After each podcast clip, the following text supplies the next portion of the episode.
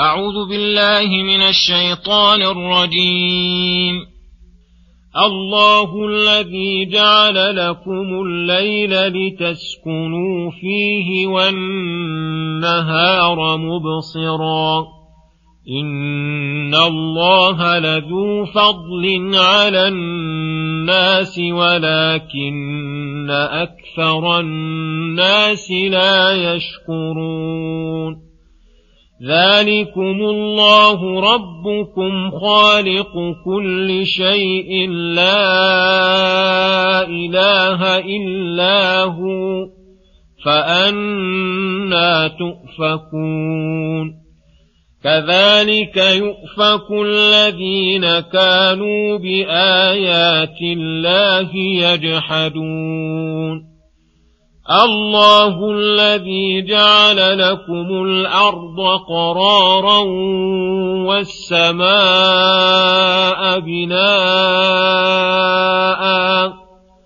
وصوركم فأحسن صوركم ورزقكم من الطيبات ذلكم الله ربكم فتبارك الله رب العالمين هو الحي لا اله الا هو فادعوه مخلصين له الدين الحمد لله رب العالمين بسم الله الرحمن الرحيم السلام عليكم ورحمة الله وبركاته.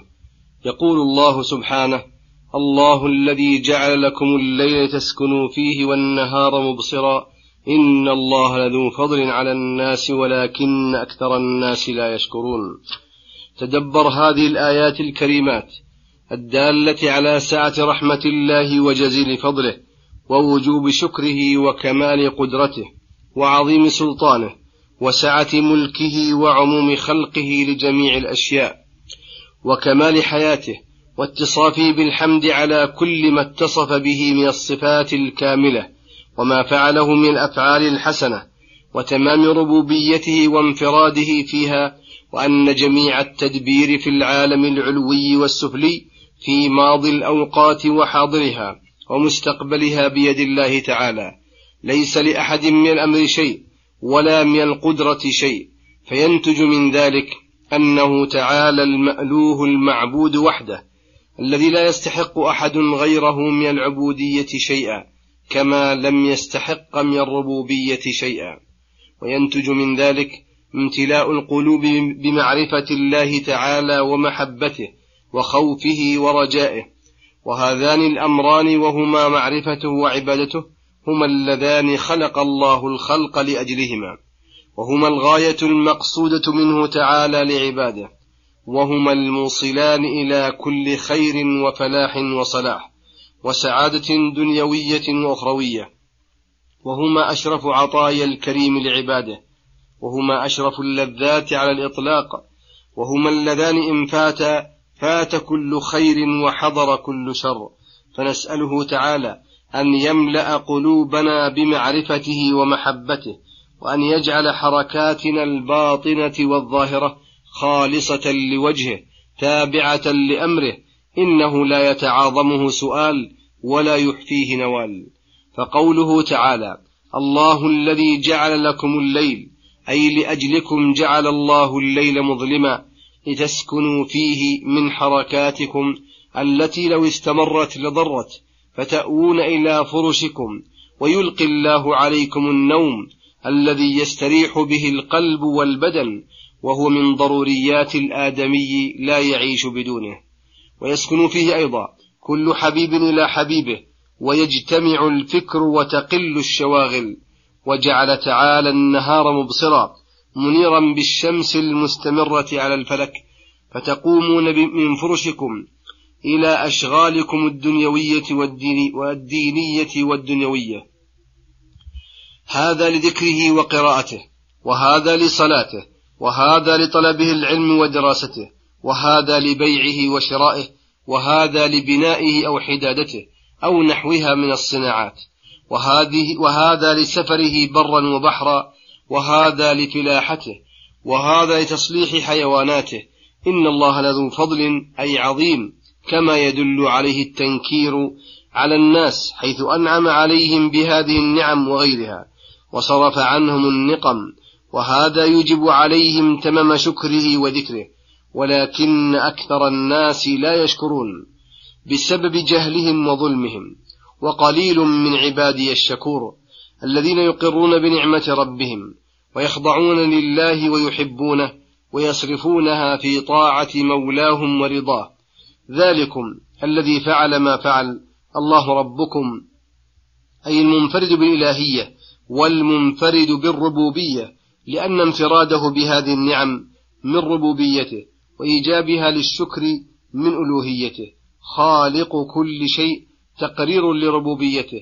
لا إله إلا هو تقرير أن تقرير أنه المستحق للعبادة وحده. لا شريك له. ثم صرح بالأمر بعبادته فقال فأنا تؤفكون. أي كيف تصرفون عن عبادته وحده لا شريك له؟ بعدما أبان لكم الدليل وأنار لكم السبيل. كذلك يؤفك الذين كانوا بآيات الله يجحدون. أي عقوبة على جحدهم لآيات الله وتعديهم على رسله. صرفوا عن التوحيد والإخلاص كما قال تعالى وإذا ما أنزلت سورة نظر بعضهم إلى بعض هل يراكم من أحد؟ ثم انصرفوا صرف الله قلوبهم بأنهم قوم لا يفقهون. الله الذي جعلكم أرض قرارا أي قارة ساكنة مهيئة لكل مصالحكم تتمكنون من حرثها وغرسها والبناء عليها والسفر والإقامة فيها والسماء بناء سقفا للأرض التي أنتم فيها. قد جعل الله فيها ما تنتفعون به من الأنوار والعلامات التي يهتدى بها في ظلمات البر والبحر. وصوركم فأحسن صوركم فليس في جنس الحيوانات أحسن صورة من بني آدم. كما قال تعالى لقد خلقنا الإنسان في أحسن تقويم وإذا أردت أن تعرف حسن الآدمي وكمال حكمة الله تعالى فيه فانظر إليه عضوا عضوا. هل تجد عضوا من أعضائه؟ يليق به ويصلح أن يكون في غير محله. وانظر أيضا إلى الميل الذي في القلوب بعضهم لبعض. هل تجد ذلك في غير الآدميين؟ وانظر إلى ما خصه الله به من العقل والإيمان والمحبة والمعرفة التي هي أحسن الأخلاق المناسبة لأجمل الصور. ورزقكم من الطيبات. وهذا شامل لكل طيب من مأكل ومشرب ومنكح وملبس ومنظر. ومسمع وغير ذلك من الطيبات التي يسرها الله لعباده ويسر لهم أسبابها ومنعهم من الخبائث التي تضادها وتضر أبدانهم وقلوبهم وأديانهم.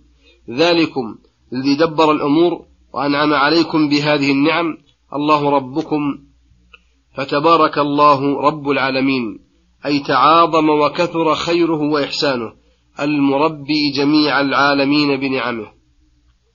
هو الحي الذي له الحياة الكاملة التامة المستلزمة لما تستلزمه من صفاته الذاتية التي لا تتم حياته إلا بها كالسمع والبصر والقدرة والعلم والكلام وغير ذلك من صفات كماله ونعوت جلاله.